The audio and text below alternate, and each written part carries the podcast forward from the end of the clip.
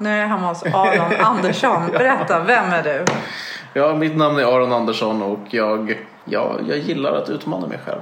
Genom det kunna någonstans här, men inspirera andra. Att det, vi klarar så mycket mer än vad vi någonsin trodde vi, vi skulle kunna. Och ta bort alla dessa någonstans begränsande tankar. Så att jag, jag gör äventyr och jag gör allt från att så här, simma långt till skida långt och hoppa fallskärm och ja, alla möjliga sådana saker. Och sen även i, i samma bransch som dig så föreläser jag en väldigt massa.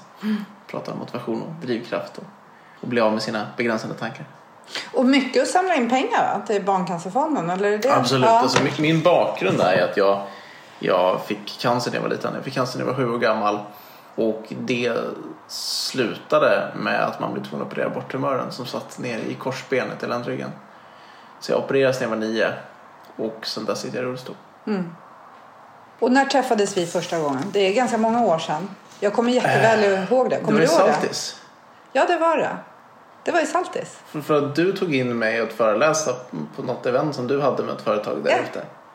Så var det. Det var ett företag som jag jobbade eh, med och sen så var vi, vi hade några workshops under flera dagar och så skulle vi ha någon inspirationsföreläsare.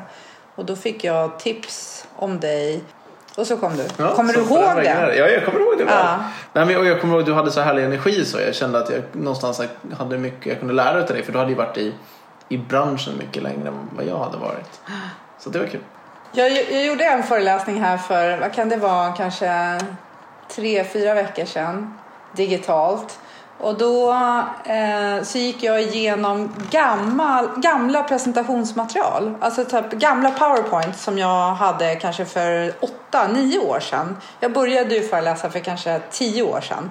Men det så här, för det första så var ju layouten fruktansvärd. Alltså det vet man bara nej, var, vem, varför hjälpte ingen mig? Det var hemskt mycket text på bilderna och det var jättefult typsnitt och sådär. Men det var, i och med att det var så mycket text så gick det ju också att härleda det till saker som jag faktiskt har pratat om. Som jag lite har tappat bort. Men som är ganska bra grejer. Så man kan ju, liksom ta, man kan ju återanvända sina gamla grejer också. Ja, verkligen. Jag hade en, en, ett tips som jag alltid avslutade med som var Kram Lisa. Och, och det gick ut på, jag hade pratat om vikten av att vara personlig. Och att jag tänker att alla mejl som jag skickar ska jag kunna signera med Kram Lisa. Jag gör ju inte det. Alltså om det är till en kund som jag inte känner, ja men då skriver jag inte Kram Lisa. Eller om jag ska skriva till något företag så skriver jag inte Kram Lisa. Men det ska passa i mejlet. Så att jag vill inte bli en för formell person. Så det skrivs så här, bästa herr Andersson. Och så, d- d- d- då passar det inte att skriva Kram Lisa under. Nej. Utan att det ska vara mer personligt. Så, och den hittade jag faktiskt då för tre, fyra veckor sedan. Så på den här digitala föreläsningen så, så drog jag den. För att eh, den tycker jag är, den passar liksom. kul, tycker jag. ja. Men det är intressant det där hur mycket saker man, man glömmer bort. Och, och som man känner inte är så viktiga längre som man tyckte var jätteviktiga och jättebra att dra för ett gäng år sedan. Har du något exempel på? Jag, jag pratade med en, en kompis häromdagen som hade lyssnat på mig när jag pratade i Jönköping kanske 2014 någonting. Och då var jag var ju väldigt, väldigt ny i min föreläsarkarriär så hade jag varit på ett år ungefär. Han säger att han har sådana starka minnen från den föreläsningen. Jag kommer ihåg så mycket för att det berörde honom så mycket. Det var så starkt och det var så bra liksom. Och, och sen körde jag en föreläsning som han lyssnade på för ja, drygt ett år sedan. Som man inte alls kommer ihåg lika mycket av. Men på något sätt så var jag starkare i min, min storytelling på vissa saker då. Tidigt för att det, det var så, låg så nära på något sätt. Och nu har jag, nu har jag gjort så otroligt mycket olika äventyr. Och så blir det någonstans svårt att välja. Så, vad- vilka äventyr ska jag prata? Alltså, Det blir så brett och stort på något sätt. Men, men då hade jag inte gjort så mycket. Det var mycket enklare att berätta storyn då. För det fanns så mycket färre saker att berätta om. Men nu så här, ska jag berätta lite om det och lite om det och lite om det och lite om det och så blir det bara pannkaka av allting. Istället för att gå på djupet på några saker. Men jag tänker också så här att i början så kanske man är mer... Det kanske också betydde mer att få berätta. Det kanske Det blir en. Vinkling nu att nu är det inte... Alltså då kanske det var viktigare för dig att få ur, ut din story. Men nu är det viktigare för dig att din story kommer in hos lyssnarna. Jag vet inte.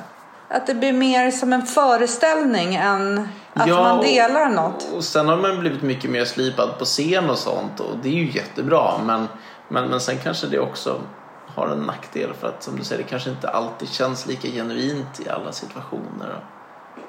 Tycker du att du känner dig genuin när du är på scen? Absolut, det tycker jag verkligen. Ja, alltid. För det tycker inte jag att jag alltid gör. Faktiskt, det kan jag outa här nu. Ibland kan jag känna så här att den här storyn, det, det är en genuin story som är på riktigt och som är sann och sådär.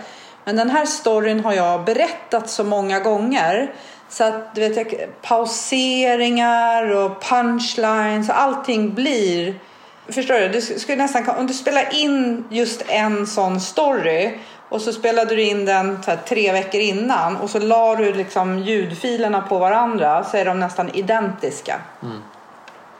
Ja, ja, men jag har vissa sådana stories Ja. som, som, som blir så också som man i princip säger ord för ord. Ja. Jag tycker inte att det är ogenuint. Jag tycker bara att det är välrepat. Så. Att någonstans har jag Nej, hittat precis. exakt hur Nej. jag ska berätta den historien för att den ska För att, att den ska bra. gå hem liksom. Ja. nej precis. Och så kan jag, jag håller med dig om det. Men ibland kan det kän, för mig kännas som det inte är helt Mm. genuint. Jag menar inte att det inte är det. Utan det är, men det blir, ja, jag vet inte, jag kanske drar liksom gränsen mellan det genuina som är mer här och nu och det som är så inrepeterat. Och då kan jag ibland känna att den där storyn var så inrepeterad. Jag vet precis exakt var det kommer skratt. Ja, ja, ja. Exakt. Nu ska ni skratta. Ja, nu skrattar ni. Alltså förstår du vad jag menar? Att det blir så här... ja, Jag vet inte, det kanske är så att det är genuint ändå. Men det blir så slipat. Det kanske är det jag tänker. Det, man blir så slipad så att det blir inte på riktigt. Men så känner inte du? Nej, jag har inte känt det. Det, det är kanske mer att, att jag kan bli liksom trött på att lyssna på mig själv. Mm. när, när jag liksom känner att jag blir för repetitiv. Har man en vecka med så här tio föreläsningar och, och man liksom berättar mycket av samma stories och, och så här, det känns som man blir lite en papegoja på något sätt. Mm. Men jag vet ju samtidigt att men det, det är det här kunden vill ha. Det är en bra produkt, en bra kvalitet på föreläsningen. Nej, och det blir det ju. Det blir ju professionellt. Men det kanske är det jag tänker att det professionella ibland tar över. Så att det inte blir det här... Äh, jag, jag skulle säga så här, på varje föreläsning som jag har gjort hittills så... Och nu skulle jag säga att så flippar jag ur. Men jag menar inte flippa ur, men jag följer inte det, det... Alltså jag gör ju alltid en plan för vad jag ska säga. Men jag har hittills aldrig sagt det som jag har planerat att jag ska säga. Ja, det nu låter kanske helt sjukt här men det händer något i publiken och då kan jag liksom plocka upp det och så nej vänta nu kommer jag på en annan grej som jag måste berätta. Får du så eller har du liksom en föreställning Men- eller föreläsning som är Jag liksom tror att det där händer mig mycket, mycket mer när jag är riktigt vass. Alltså när Mm. jag har kört mycket föreläsningar på kort tid så, så att man verkligen känner att man är, man är på topp. Mm. Man har bra dagsform så. Då händer det där mig mycket mer. Och Mm. på sista åren har det hänt mycket mer när man har blivit mycket varm i kläderna. Mer varm i kläderna Mm. så. För då, man törs mer liksom. Ja, alltså någonstans så, så det händer något i publiken. Någon, någon skrattar på ett roligt Mm. sätt eller någon, någon, någon gör någonting så kan man plocka upp det och sen kan man bolla tillbaka till den personen. Det, alltså, Mm. det blir mycket, mycket mer dynamik med publiken. Kan jag märka liksom, när jag har blivit bättre på att föreläsa. Mm. Och jag tänker att det blir mycket roligare för publiken också. För någonstans blir du mer trygg. Det är det som tänker jag att det handlar om. Det är din egen trygghet. Ja, och någonstans både trygghet och förstå vad man kan göra så att det blir bra. Mm. För man kan ju vara hur trygg som helst och, och göra bort sig totalt. Mm. Bara för att man inte förstår hur man ska hantera publiken. Mm. Är du bra på att ta feedback? På liksom att bli bättre eller bli bra? För mig beror det nog mycket på var feedbacken kommer ifrån. Mm. Och, och om det är från personer som jag känner har kunskap på det området så Mm. absolut. Men, men är det från personer som jag känner bara ger råd och inte riktigt koll på det så Mm. nej. Precis, som jag börjar ge dig träningsråd. Du bara, nej Lisa det tror jag inte. För träna gör du mycket va? Ja, verkligen. Varje dag. Nästan. Mm. Jag, jag har blivit mer och mer noggrann med, med att vila också faktiskt. Mm. Det är jag väldigt bra på. Där kan jag ge dig mycket råd. där, där, där är du trovärdig för att ge råd. Nej, men jag, jag har alltid tränat väldigt, väldigt mycket. Jag har kört väldigt hårt och fått liksom, kroppen bli ganska sliten av det i längden. Och, och, och senaste åren har jag någonstans börjat prioritera mer att vila också. Okej, hur kan jag träna hårdare när jag väl tränar och sen hur kan jag, hur kan jag göra så att jag kan vila mer och ändå få en uppbyggnad i kroppen. Så jag har hittat ett gym jag kör på nu som är helt jäkla briljant. Det är datorstyrda maskiner som gör att när du väl tränar får du maximal belastning så att du är helt slut efteråt. Du kör liksom en gång per maskin och ett pass kanske tar 35-40 minuter men du är helt förstörd efteråt och så kör jag det en gång i veckan och får liksom grym träningseffekt men någonstans med minimal insats. Så den sortens träning tycker jag är väldigt intressant. För just gymträning tycker jag inte är så kul heller. Hade det varit jättekul så jag kan vara på gymmet i fyra timmar då hade man ju kunnat köra annan sorts träning. Men, men då lägger jag hellre min träningstid på typ så här, paddla kajak eller hoppa fallskärm eller gör, Det där så- måste vi prata om också, det här med att hoppa fallskärm. Det vet jag att jag gillar inte att du hoppar fallskärm. Fallskärmshoppning är för mig en helt magisk känsla. Jag tog cert för är det, två år sedan nu. Dubai åkte ner dit och tänkte jag, jag måste prova det här. För jag hade, hade hoppat tandemhopp några gånger innan. Men jag tänkte ändå jag vill uppleva den här känslan att hoppa med egen fallskärm på ryggen. Jag kommer så väl ihåg för som bara första hoppet. Och man, man står där i dörren och är helt förstörd. Och så ser man bara hur andra bara hoppar iväg, bara försvinner iväg. Och så bara, till slut är det bara jag och min instruktör kvar i planet och nu ska vi hoppa ut liksom. Så man tittar ner och bara, nej det här är bara idioti. Men ändå till slut så, så lyckas man hoppa. Men, men kanske med hjälp av en liten knuff från instruktörerna. Så. Men när vi väl är ute i luften så är det bara wow. Vilken otrolig känsla. Men går det inte väldigt fort? Det går väldigt, väldigt fort. Alltså vi, Ja, vi det- faller det det ungefär, som är- det faller det- ungefär 200 kilometer i timmen. Ja. Det, vad, vad är, ja, nej, det skulle liksom...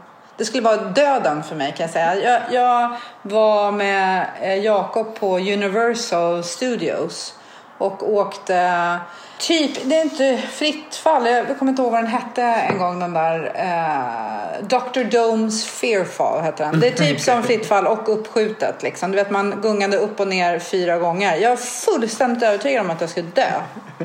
Så det var inte så här, och Jakob tyckte det var jätteroligt så han bara mamma, mamma titta, du vet man bara sluta prata, jag kommer dö. Jag tycker det är fruktansvärt. Eh, tycker jag är så Ja, hemskt liksom. Jag tror de där ofta är läbbigare än att hoppa fallskärm.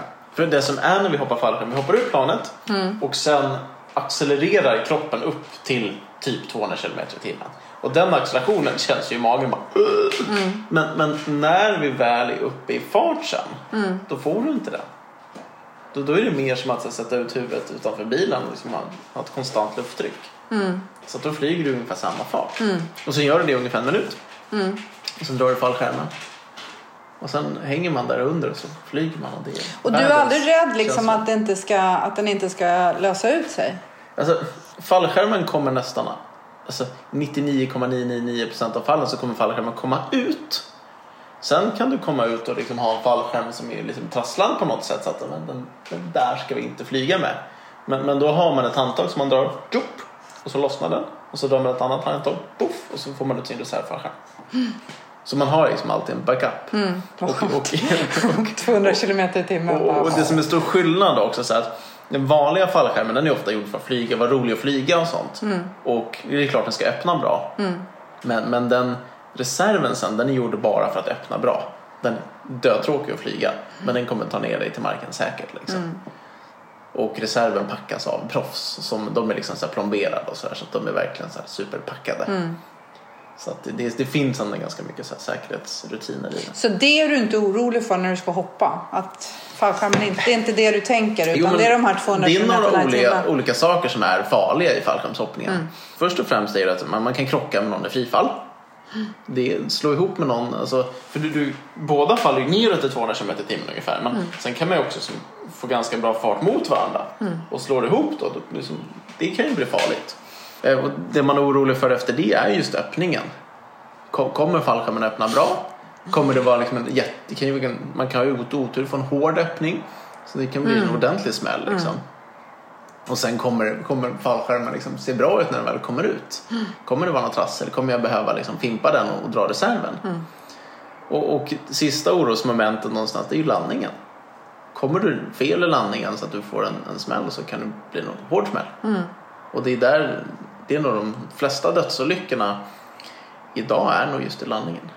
Du försöker landa snabbt och häftigt liksom, nära marken. Så. Eller så. Man kan göra något som heter swooping, att man åker man åker längs marken ganska länge liksom så här, horisontellt med backen. Men ska du göra det så måste du liksom göra en massa svängar först, accelerera din fallskärm och sen kan du åka längs med marken. Och du kommer in i väldigt, väldigt fart.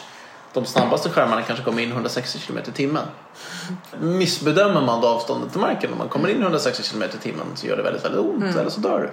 Men du, jag måste fråga då, för du sitter ju i rullstol och har inte känsel från midjan och neråt va? Jo, men jag har hyfsad känsel i benen ändå. Jag har inte alla muskler och sånt. Nej. Men känseln har jag helt okej. Så när du landar, nu tänker jag man landar ju inte på fötter. Eller hur? Gör man de, det? de flesta landar du... på fötter. Alltså, alla, alla andra landar springande så. Ja. Att du tar några små trippande steg när du landar. Okej, så Men- hur landar du? Jag landar på rumpan. Ja. Eh, så att jag, ja, jag slidar in egentligen på, på, på rumpan när jag landar. Och Mm. är det liksom sådär för dig att du hittar sätt att göra, göra saker på fast du har din rullstol? Jag blir ju tvungen någonstans. Men, men det var lite läskigt apropå som första hoppet i, i, i, i Dubai där. Så, så gjorde jag en väldigt dålig landning på första hoppet. Och, och det man gör när man kommer in för att landa så kallas det att man flärar. Och då tar man sina båda styrhandtag så drar man ner båda samtidigt och då bromsar fallskärmen upp. Och gör man det med bra timing så landar man jättemjukt och fint. Men just på mitt första hopp där så, så flärade jag för högt. För det kanske du ska göra på 2-3 meter och jag gjorde det på kanske ja, 10-12 meter. Så Jag hade de- typ flärat efter en minut frifall. så hade jag flärat. Ja. Och- det som händer då, att då, då bromsar fallskärmen upp där uppe på 10 meter och sen börjar man falla bara rakt ner. Och då har inte fallskärmen alls samma tryck och, och bromsar dig. Och då satte jag ner rumpan och gjorde en riktigt så här hård landning. Svanskotelandning. Liksom. Japp. Så att, men jag hade ont i ryggen ett halvår efter. Och jag, jag förstod inte riktigt att jag hade gjort en dålig landning heller. Jag tänkte det är väl så här det är. Kommer varje landning vara så här så kommer jag inte kunna fortsätta hoppa. Det går ju liksom inte. Men min coach då var jätteduktig där och som en berättare. Vi tittade på video och så här. Men kolla du kommer in högt här och så gör du så där och skulle du kunna göra så här istället skulle det nog gå bra. Så då inför, inför mitt andra hopp så jäkla puls jag hade. För jag tänkte kommer landar jag så där dåligt igen alltså, jag kan ju skada ryggen på riktigt alltså. Men som tur var då så andra hoppet så fick jag verkligen till landningen så den var ju hur mjuk som helst. Och det fick mig någonstans att fatta, okej men jag kan göra det här. Och då körde jag på sen så då kunde jag hoppa mycket liksom. Så jag gjorde väl en sån här 26 hopp på, på en vecka ungefär. 26 år, gud. Ja. Men, men du, du, nu pratar du om en coach. Liksom. Du har väl också ett ganska... Jag tror till och med att jag har en mössa faktiskt som det står Team Aron på. Ja. Du har ju liksom ofta ett team omkring det, har du inte det? Alltså, vi bildade Team Aron när jag körde klassikern 2014. Och vi gjorde det för att samla in pengar till Barncancerfonden.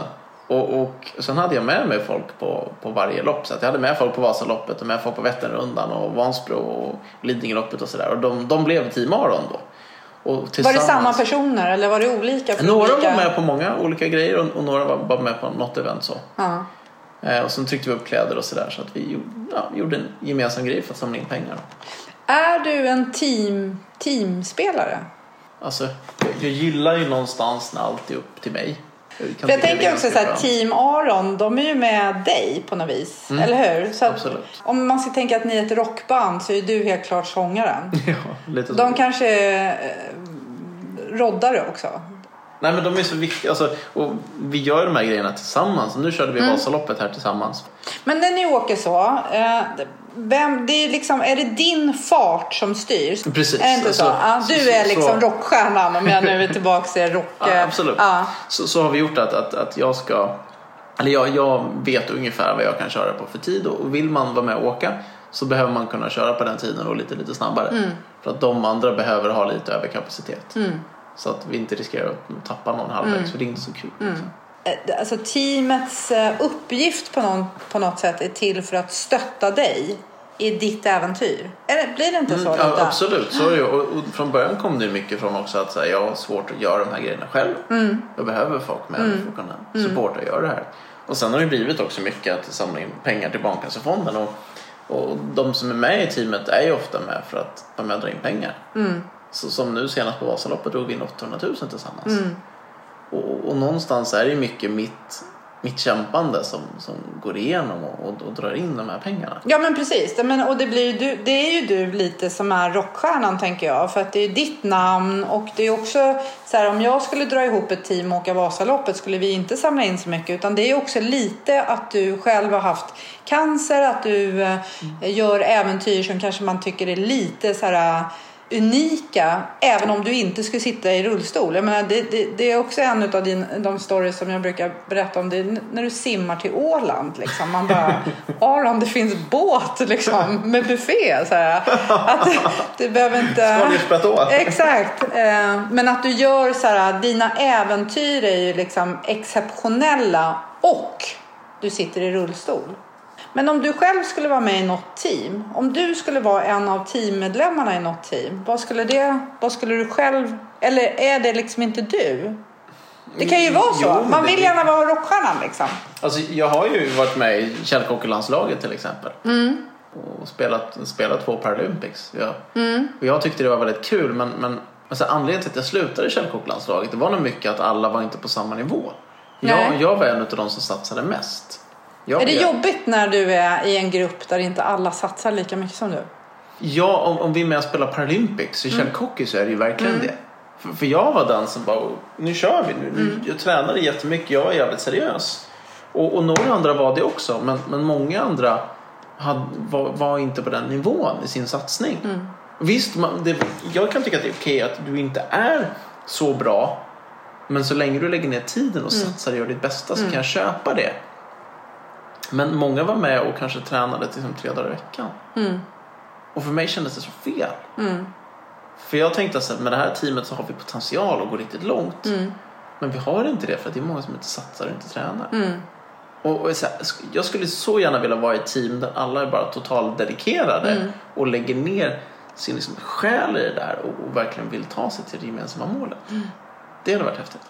Men, men det där, och det kanske är så att det gemensamma målet inte är gemensamt. Alltså man Nej, kanske har olika, olika mål liksom. Men den här eh, lite så här frustrationen, den, jag kan känna igen mig i det. Jag kan också känna att jag kan bli frustrerad och det, då är inte det kanske när man ska vara med i Paralympics men det kan vara allt från så stora saker till små saker. Det kan vara när jag städar hemma och eh, tonårssonen inte alls är lika engagerad i vårt gemensamma mål. Förstår Konstigt. du? Nej, men alltså, det kan vara massa med... Alltså, jag kan tra, ta den liknelsen i många olika relationer, många olika sammanhang. Att jag kan ha lite svårt för när folk inte taggar igång. Är det så för dig också med olika sammanhang eller är det liksom Paralympics? Det har varit som mest tydligt då i landslaget där men, men, men det är väl klart det är så i alla möjliga sammanhang. Man vill ju gärna vara på ungefär samma nivå. Sen kan jag vara den som inte taggar igång så mycket heller för jag kanske inte brinner för det där som någon annan vill ta sig till. Så jag tycker det där är åt båda hållen.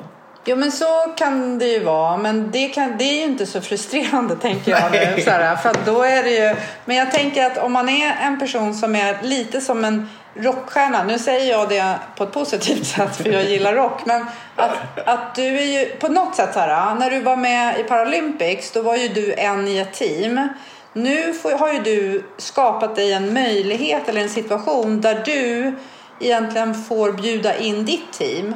Och du kan ju också säga så här, nej du är inte tillräckligt dedikerad så du får inte vara med. Du är lite coach eller vad ska jag säga. Så här, om, du, om vi skulle ta Paralympics så kan ju du säga så här, nej du tränar bara tre gånger i veckan, det funkar inte så att du kan inte vara med utan det måste vara någon annan som är med. Förstår du? Du sätter ju ramen. Ja, precis, Och det var det som var frustrerande med Paralympics. Jag förstår, för då kunde inte du sätta ramen. Nej, och, och tränaren satte inte den heller. Nej, precis. Eller så kanske det var så att det, de som tränade tre gånger i veckan, det var, det var liksom, laget var ändå det bästa som fanns.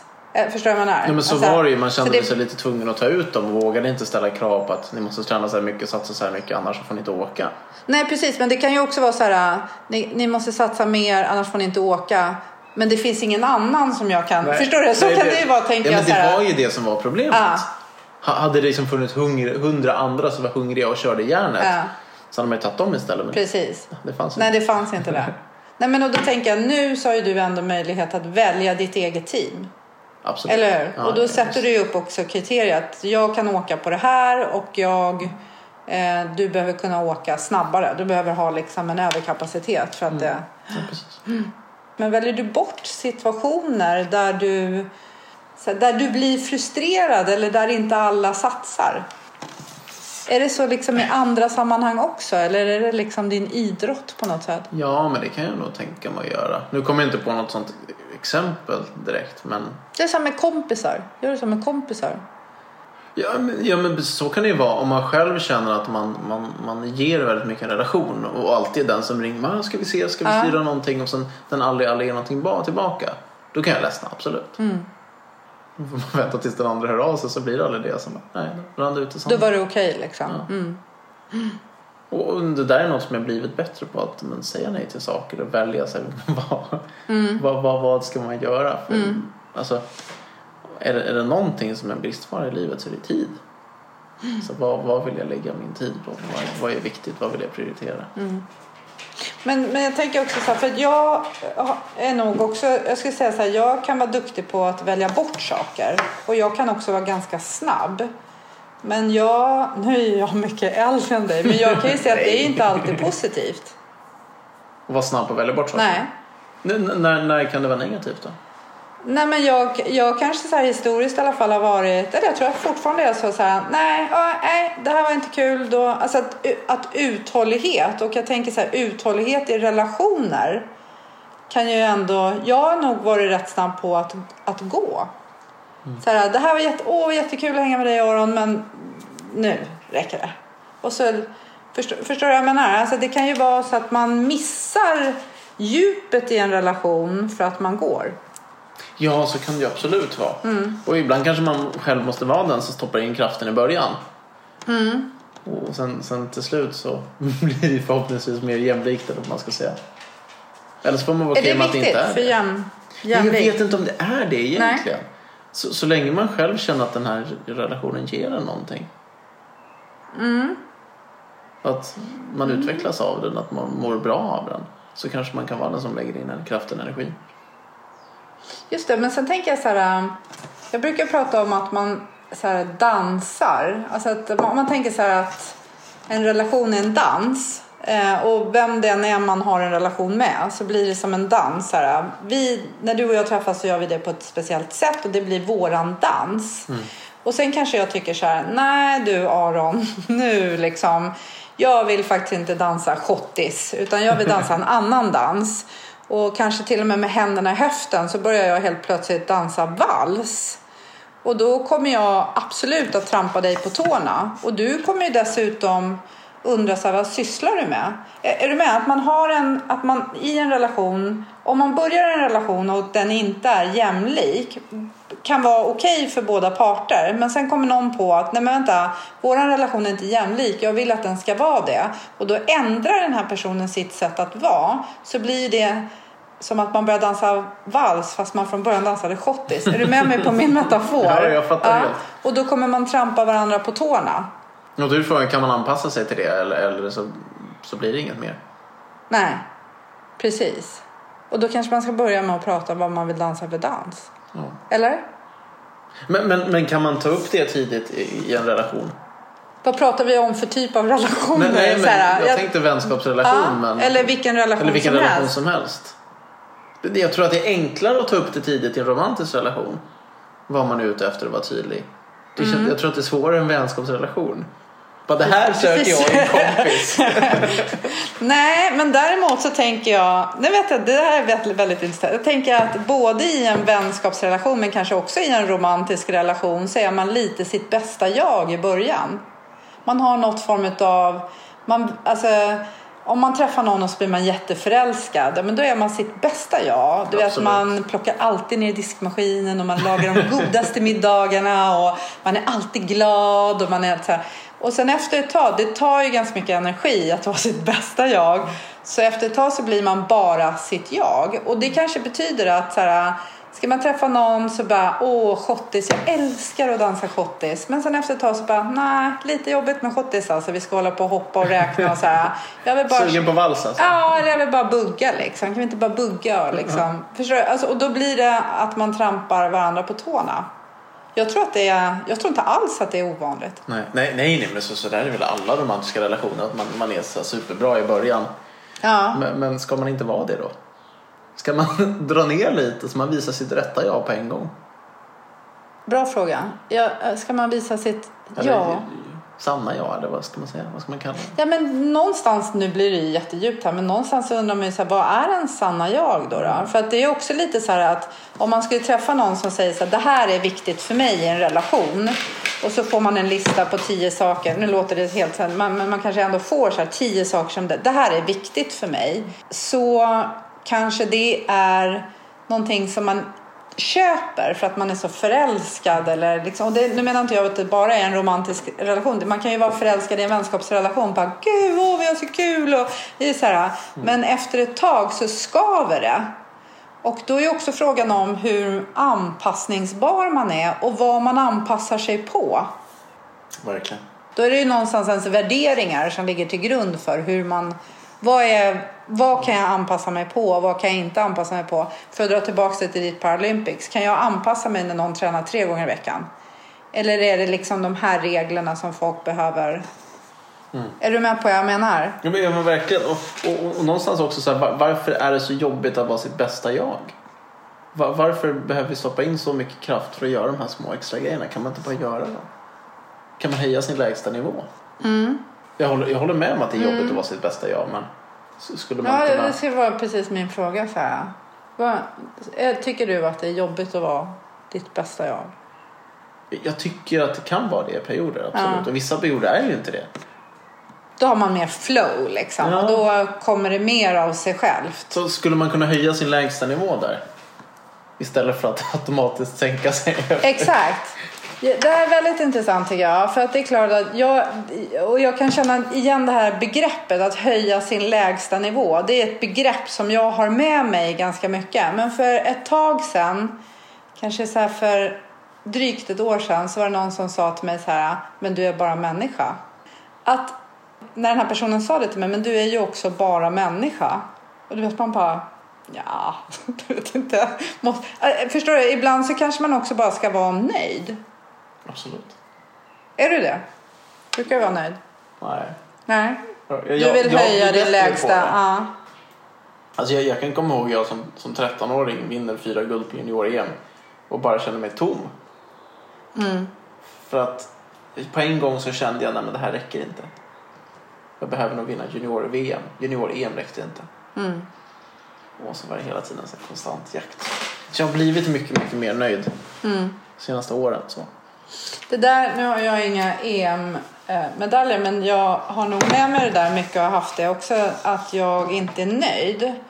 Eh, men jag har ju valt att kalla det för att jag har prestationsbegär. Inte prestationsångest men prestationsbegär. Att jag hela tiden strävat och det är väl lite det här som du säger att höja min lägsta nivå. Jag har hela tiden strävat efter att bli bättre. Och lite tappat bort att också fira och vara nöjd. Mm.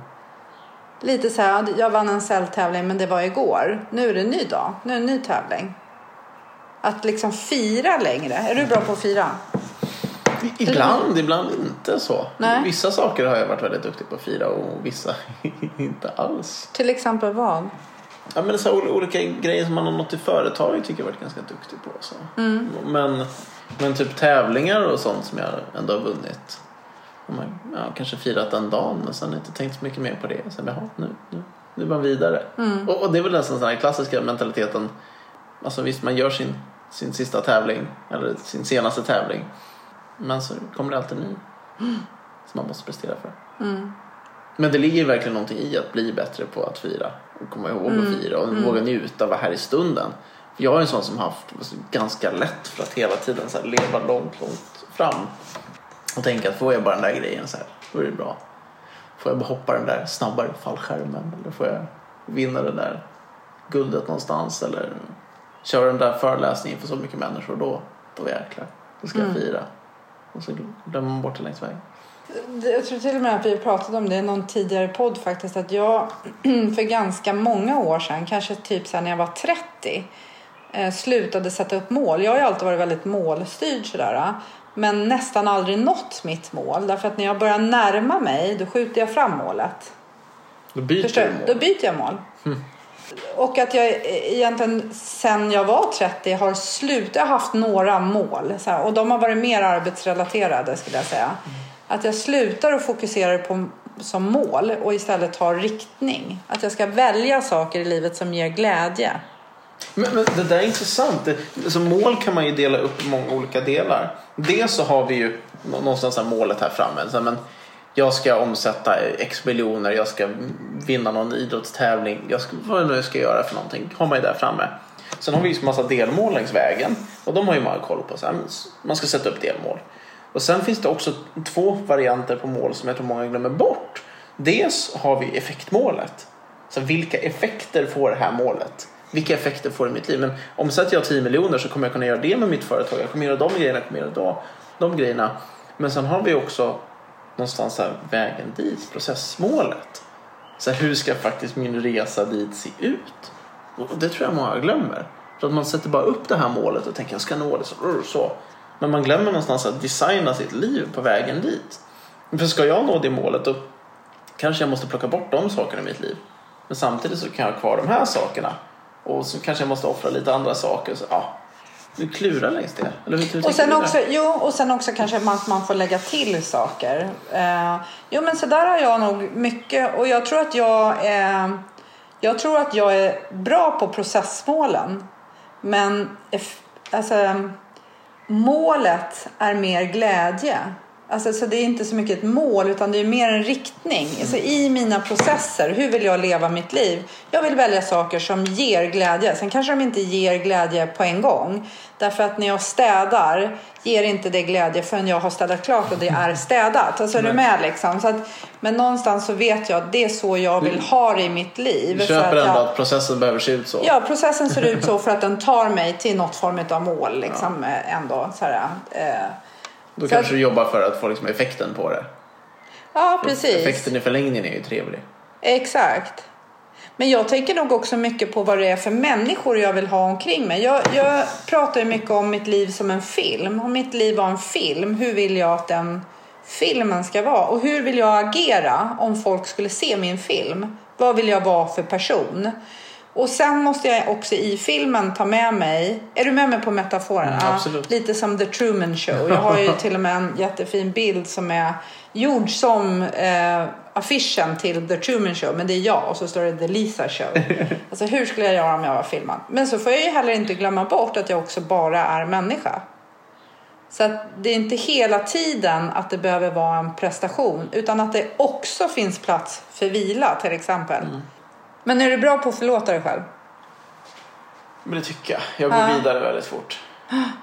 Men, men så här, jag, jag, jag kommer typ inte ihåg de gångerna när jag klantat mig, gjort dumma saker, gjo- gjort sånt som är så här, någonstans här, ångrar. Jag, jag glömmer bort det. Min, min hjärna kommer inte ihåg det. Men jag kommer ihåg bra saker. Det, det är väldigt intressant. Ja, men, men typ när jag, när jag bråkat med, med, med Anja, min kära fru, om någonting. Så, så har vi ett bråk och jag tänker, men det där ska jag aldrig göra om, det var en jävla dum grej jag gjorde. Och sen två veckor senare gör jag samma sak. Och så hon bara, "Du- kommer du ihåg att du gjorde det här? Bara, men nej det här har jag aldrig gjort innan. Nej. Ja, det är så till och med. Så här, att, ja, även om hon påminner dig så bara nej. Men då, är det så, då kanske kan poletten trilla ner liksom en tio minuter senare kanske. Men nej, ofta är jag väldigt, väldigt bra på att bara glömma bort saker. Och det kan ju finnas fördelar med det tänker jag. Men det kan ju också vara dåligt. Eller man får väl liksom ha någon form av fingertoppskänsla. Tänk kanske inte glömma bort när det gäller Anja. Nej, Eller hur? Nej, det blir får du inte dumt, göra. Alltså. Det är dumt. Du kan glömma bort när du bråkar med mig. Det är okej. nu bråkar ju inte vi så ofta. Men eh, Jag tror aldrig vi har bråkat. nej, vi har det kvar på våran Men Lista. bråkar du med dina, med dina vänner så? Jag bråkar väldigt sällan med mina vänner.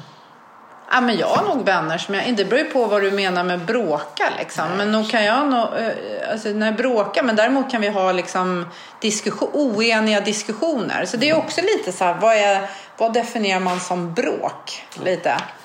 Eh, eller hur? Så, brå, hetsiga diskussioner kan jag absolut ha. Där vi också enas i att vi kommer inte att enas. Nej. Eller att vi Men kan så avsluta kan diskussionen men vi kommer inte tycka lika. Men, men, men bråk för mig handlar mer om att någon har gjort någonting mot den som man inte tycker är liksom, snyggt eller, eller schysst eller så. Ja. Så kan man ha bråk om det. Liksom. Men är det så du tänker med Anja? Att du gör någonting som inte hon är jätteförtjust i och så typ så här, det kommer jag aldrig göra igen och sen två veckor senare har du glömt det. Ja, så. det är så du tänker bråk. Alltså, så man, man, man, Man är för, för diskussioner om saker som man är oenig om, det, är- det är bara att man har olika åsikter. Fast är inte det också lite så här hur man diskuterar? Jag kan tycka att det finns ju ska säga, folk som jag har varit gift med. Jag har ju bara varit gift en gång så det blir väldigt tydligt vem det handlar om. Men Hur många var det Jag då? säger så här, jag var bara gift med en också. Men om man nu inte ska outa den personen. Så här, vi hade, vi, han kunde säga så här till mig, varför är du arg? Eller var inte arg. Och jag bara, eh, va? Jag är inte arg. Jag bara, vi diskuterar ju. Ja. Alltså att diskussioner också kan föda en relation. Men att vi ser på diskussionen på olika sätt. Så kan det ju vara. Absolut. Och jag tror att det är nyttigt att se på det på olika sätt. Även, om det kan vara jobbigt i stunden att någon annan ser någonting annorlunda så är det väldigt utvecklande. Och sen någonstans ha respekt för att mitt sätt är bara facit för mig. Ja, verkligen. Eller hur? Verkligen. Men du, har du liksom så här med ditt team? Har du bråk, bråkar du med ditt team? Nej, jag kan inte, kan inte komma ihåg att vi har bråkat om någonting specifikt. Så. Det är tydlig, du är tydlig liksom. Om man tänker att du är en ledare. Nu har jag bara sa- sagt att du är ledare, chef och rockstjärna. Så är det du som sätter upp reglerna liksom, eller ramen eller vad ska Ja, jag men säga. jag tror, och det där är väl någonting som jag har blivit bättre på de senaste åren att göra också. För att i början var det nog lätt att bli lite otydlig. Okej, men nu ska vi upp till Vasaloppet, så här ser det ut. Här ska vi bo, här fun- så här funkar det, det här förväntar jag mig av er. Liksom så. Det här kan ni förvänta er av mig. Så. Jag tror att jag blir bättre på det. Men, men där kan man ju alltid bli ännu tydligare. Ju, ju tydligare man är, desto enklare blir det ju för alla. Liksom. Hur väljer du dina äventyr? Så framför allt, så här, vad känns kul? Vad går jag igång på? Vad vill jag göra? Och, och sen finns det ju massa så här underaspekter också. Men så här, kan vi få media på det här äventyret? Går det att bygga en story kring? Som, den biten är jätteviktig för att kunna leva som äventyrare. Går det att få sponsorer på som är intresserade av det här? Eh, kan vi göra någon sorts insamling till välgörenhet? Så kan vi få samla in pengar till Barncancerfonden. Så. Eh, och, och sist men inte minst säkerheten. Hur, hur är säkerheten på det här äventyret? Går det att kontrollera riskerna? Eller liksom, är, är, är beredd att ta de här riskerna även att de är stora? Så att det finns ju ett gäng olika sådana aspekter man behöver titta på. Precis, är, det, ja, är det ett äventyr som, som jag verkligen vill göra? Men eh, hittar du på äventyren själv eller får, kommer, de liksom, kommer de från dig eller kommer de från någon annan? Alltså, det är väl nästan inga äventyr som är, som är nya nu för tiden. Simma till Åland. Ja, men det, det hade ju folk gjort innan. Eller? Hade de? Två stycken hade gjort innan. Eh, Men det var ingen i rullstol som som Nej. hade gjort det. Eh, Men då är det ju lite så här att du ser att någon gör något och så tänker det är ingen i rullstol som har gjort så det hakar jag på. Ja, så kan det vara. Ja. Eller så, så vill man ju göra något som är nytt och unikt som ingen har gjort heller. Men det, men det är så svårt att hitta idag. Mm. Alltså, mm, någon jäkel har gjort allt du kan tänka dig liksom, i princip. Mm. Men, men jag har ju alltid den möjligheten att säga jag kan bli först i rullstol och göra Mm. det. För att nu kunna så, bygga media på det och kunna få den aspekten på det. Så är det, är det, liksom det viktiga är inte att vara först i rullstol på det utan det är att skapa media så att du kan samla in pengar och så att, det blir, så att du kan leva på ditt Alltså- äventyr. Ja, här, för att kunna liksom driva den affären jag ändå driver så, så, så blir det ju någonstans Mm. viktigt med media. Så det är en viktig aspekt på det. Eh, och, så, och sen, alltså, jag skulle gärna göra äventyr utan att göra ett enda liksom, social media-inlägg. Utan att här, sitta en enda morgonsoffa utan att göra någonting. Det hade jag tyckt var väldigt skönt. Mm. Men det här är en så viktig del av det. Liksom. Ska, ska jag kunna leva på det här, ska jag kunna bygga det här, någonstans ska jag också kunna inspirera andra med det jag gör. Som har blivit väldigt viktigt för mig. Så då behöver jag äventyr som, som sticker ut lite, som blir lite annorlunda, som går att få media på. Men det, och det förstår jag verkligen. Men jag tänker så här att när du föreläser för en stor publik så är det ju ganska få i din publik som sitter i rullstol, som har haft cancer när de var små, som simmar över Ålands hav. Är, är du med liksom? Det, dina äventyr är inte våra äventyr. är du med? Ja, precis. Eh, Åh, jag lyssnar på Aron Andersson så nu ska jag också simma över Ålands hav. Det är inte jättevanligt, det är inte den inspirationen. Så hur tänker du liksom att du vänder det du har gjort till att inspirera mig i publiken? Alltså, för, för mig handlar det så mycket om att eh, visa att vi kan så mycket mer än vi någonsin trodde var möjligt. Och, och, och jag har inte alltid gjort de här äventyren. Alltså, Men om jag, om jag nu ska bara sticka ut hakan Ja. så här. Är det inte lätt liksom att kunna göra det där när man har Team Aron, man får sitta i TV4-soffan, man får sponsorer. Dessutom får man vara en good person och skänka massa pengar till Barncancerfonden. Jag tänker så här, jag går till jobbet, jag bara, ah, nu är det ett äventyr här. Vad är det? Ja, det är något projekt kanske. Eh, det finns inget team, det finns inget liksom... Hur, vad, hur ska jag omvandla ditt till mitt? ja, Kanske- men så här, nu är det, är det ganska lätt för mig att göra ett äventyr. För jag har, har kunskapen, jag har erfarenheten hur man gör, jag har folk runt omkring mig, jag har resurserna för att kunna göra det. Det var inte lätt för sju åtta år sedan när jag började. Alltså jag hade, innan mitt första äventyr, jag hade aldrig gjort ett äventyr, jag hade inte gjort någonting. Men lyckades ändå genomföra någonting som jag trodde var omöjligt. Va- Och var det Kebnekaise? Det var Kebnekaise som var mitt Kebnekaise? Ja. första riktiga äventyr. Och, och storyn där är att så här, jag blev utmanad av en vän att göra det. Jag hade precis skadat min höft, var tvungen att lägga ner min liksom, Paralympics-karriär. Och, och var väldigt så här, vilsen i livet och tänkte vad fasiken gör jag nu? Jag tog en fika med, en- med en kompis som är äventyrare och slutade med att han utmanade mig att bestiga Kebnekaise. Och jag sa nej. Sa att det går inte. Det funkar inte. Jag kan inte gå upp på ett berg för fan, jag sitter i rullstol. Och det var ingen som hade varit uppe på Kebnekaise med rullstol innan. Så vi, alla förstod att det var omöjligt, tänkte jag. Men, men han vägrade ge sig. Så han tjatade och tjatade och tjatade och till slut sa han okej då, vi testar. Och, och det var någonstans vägen till mitt första äventyr. Så, som, som någonstans hjälpte mig att bli av med så otroligt många så här, begränsande tankar som jag hade. Men du, vad hette han? Ja, vi har ju sett Johan. bilder på Johan liksom. Och då tänker jag lite så här att alla borde ha en Johan. Absolut. Och alla borde i vissa situationer vara en Johan. Att inte ge sig, liksom. att hjälpa andra att utmana dem fast de tror att det är omöjligt. Och göra det på ett sätt, så här, för jag kan ju tänka mig, Johan lyckades ju ändå göra det på ett sätt så att det landade rätt i dig. Absolut. Så att du vågade. Ja. Förstår du? Om, om Johan skulle ha utmanat mig då kanske han hade behövt göra det på ett annat sätt. om Helikopter han och champagne och sådär. Ja, precis. Vi åker heller. Nej, men jag skulle ju lugnt. Jag gillar ju att, att vandra så jag skulle absolut gå upp. eh, Det, han skulle inte behöva övertala mig så mycket på det. Men eh, lycka till om han skulle försöka övertala mig eller någon annan Johan eller någon annan på att hoppa fallskärm. No fucking way kan jag säga. Men är du med? Att vi behöver liksom vara duktiga på att hjälpa andra människor att vidga deras komfortzon eller liksom att Absolut. våga. Absolut, för jag tror att vi så folk vill så mycket mer än vad de faktiskt gör. Tror du det? Jag tror verkligen det. Och det är så många som tankar som står däremellan och hindrar oss. Och så står i vägen från det vi skulle kunna göra. Som vi ändå inte gör.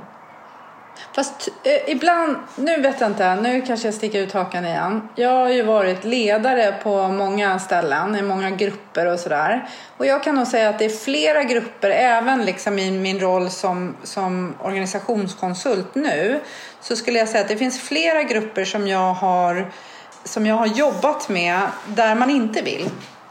Utan man har hittat liksom sin trygghet i att man inte kan. Och att man gärna så skyller det Men, på men då har du andra. någonstans hittat din trygghet i dina begränsande tankar. Ja. Som håller dig tillbaka. Exakt. Men jag, alltså jag, jag, jag vet så många gånger när jag har gått in och gjort förändringar i grupper. För att jag är en person som, så här, om jag ska göra en förändring på jobbet så bara ja, nu ska vi göra på ett nytt sätt. Gud vad kul. Ja, nu börjar vi. Ja, vi kör. Eh, Vi testar lite och så ser vi så här, vad som händer. Eh, Det är klart man gör en riskbedömning om man ska hoppa fallskärm. så här, Men om det inte är Eh, om det är någon mindre förändring så bara, åh nej det vart lite fel, vi justerar lite. Men att man börjar. Medan det finns ju väldigt många människor som aldrig skulle börja. Alltså det är hängslen, fallskärm, livrem, eh, flytväst, allt liksom. Man gör allt för att inte börja för att man är rädd. Och i sådana grupper där man är mer så försiktig så behöver man göra så små, små, små förändringar. Så att man tittar tillbaks efter du vet, tre veckor och ser så här, okej okay, nu står vi här. Vart stod vi för tre veckor sedan? Oh shit!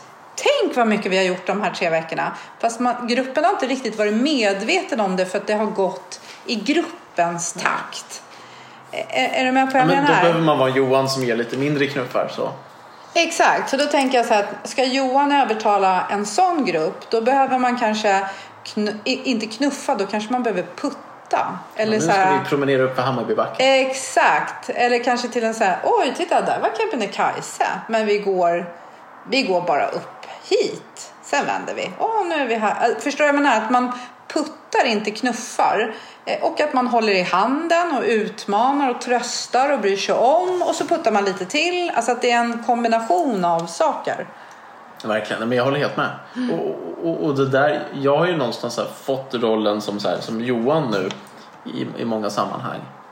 Och jag, ofta har jag trott att jag behövt någonstans här putta och knuffa mer än vad jag faktiskt behöver. Mm. Så vi hade, jag är med och driver ett så här, personlig assistansbolag. Så vi, vi hjälper till att tillhandahålla personlig assistans för personer med funktionsnedsättning. Mm. Eh, och, och, vår grej är liksom att vi, vi vill ge assistans till, men till de som lever sitt liv fullt ut oavsett förutsättningar. Mm.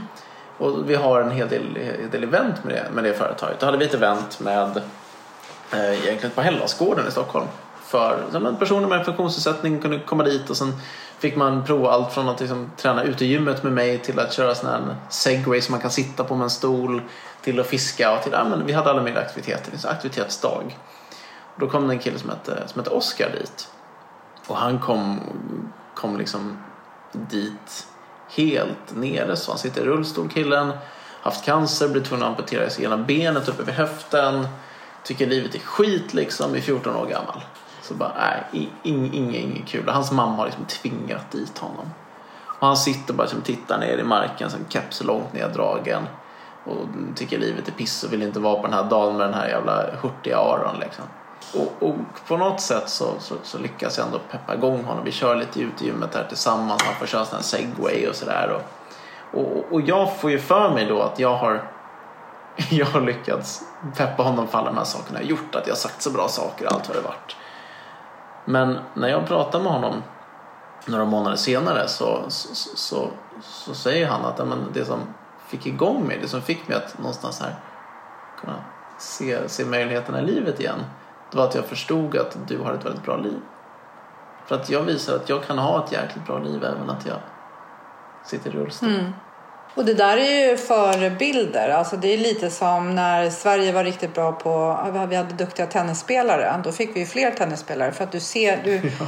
du ser att det går liksom. Och sen ja. är det andra idrotter där vi kanske inte är lika bra för att vi har inte den kulturen liksom. Nu kanske vi inte är lika bra i tennis länge som vi var. Men vi var ju, ja, men det är liksom de här förebilderna, liksom att när man går och tränar så ser man andra som kan göra saker som man inte själv kan. Och då ser man också att det är möjligt på något sätt. Så det, men jag tänker att Oskars mamma var ju Johan. I den... Ja, i stor del. Eller hur? Absolut, så att ibland absolut. så tänker jag att det är putta, ibland, så här, ibland är det ju tvinga. Mm. Eller hur? Jag tvingade dit dig liksom för att eh, du behöver utsätta dig för att testa och vara med. Och det tänker jag, det är ju väldigt ofta i en arbetssituation. För att då kan det ju vara så att du har en roll på ett företag där det ingår i dina arbetsuppgifter att du ska göra någonting men du vill inte. Jag vill inte gå dit, liksom. jag vill inte göra det. Och då kanske du behöver bli tvingad tills du hittar liksom, tryggheten på något sätt. Och då gäller det att hitta sätt hur tvingar man folk och ändå får dem att tro att de har liksom velat göra det lite halvt självmant. Nej fast det tror inte jag att man ska... Nej, Nej jag tror det är ju att manipulera. Det tror inte jag. Det, det tror inte jag på. Så inte att de har velat göra det självmant, för det har de ju inte. Men jag, vi, alltså i arbetssituationer så har du ju liksom, vi, det är ju så att du har eh, vissa arbetsuppgifter ska du göra. Vissa av dem är roliga, vissa av dem är inte så roliga, de ska också göras. Och då skulle jag liksom, det handlar mer om ledarskap för mig, att vara väldigt tydlig. Typ som Oskars mamma, nu kanske det inte är ett riktigt bra exempel, men som Oskars mamma säger så här, du ska gå dit. Ja. Det kan, du kan inte välja det. Det ska du göra. Jag, jag berättar ibland i mina föreläsningar om när jag flyttade och skulle renovera mitt kök. Och så kom det en snickare som skulle renovera köket och så pratade vi ihop oss och så gick jag till jobbet och så när jag kom hem på eftermiddagen så sa snickaren så här, du vet kök tycker inte jag är jättekul. Så att jag håller på lite mer i vardagsrummet. Det är man ju, eller hur va? Skulle, skulle han göra vardagsrummet? nej. Eh, och det här är inte ens på riktigt utan en påhittad story. Men är du med? Jag, jag ska säga att om du tar det som metafor så ser jag väldigt många arbetsplatser där det är så. Ja. Du är anställd för att renovera köket men du tycker inte att det är jättekul så du är i vardagsrummet. Men du får också härja fritt i vardagsrummet. Ja.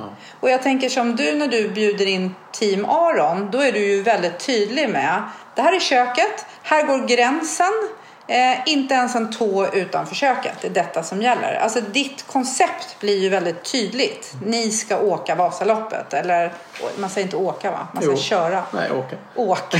Man åker ju inte bara. Alltså, det låter ju som man sitter och åker med. Man kör. Man skidar Vasaloppet. Skidar Ja, men, eh, förstår du vad jag menar? Men att på många arbetsplatser så får du ju faktiskt eh, du får härja fritt i vardagsrummet eller i alla fall i hallen på väg till vardagsrummet. Mm, och då tänker jag att det som du kan tvinga folk att göra utan att de liksom, det är att säga så här, nej stopp, oj, nu gör du fel sak. Det är här du ska vara.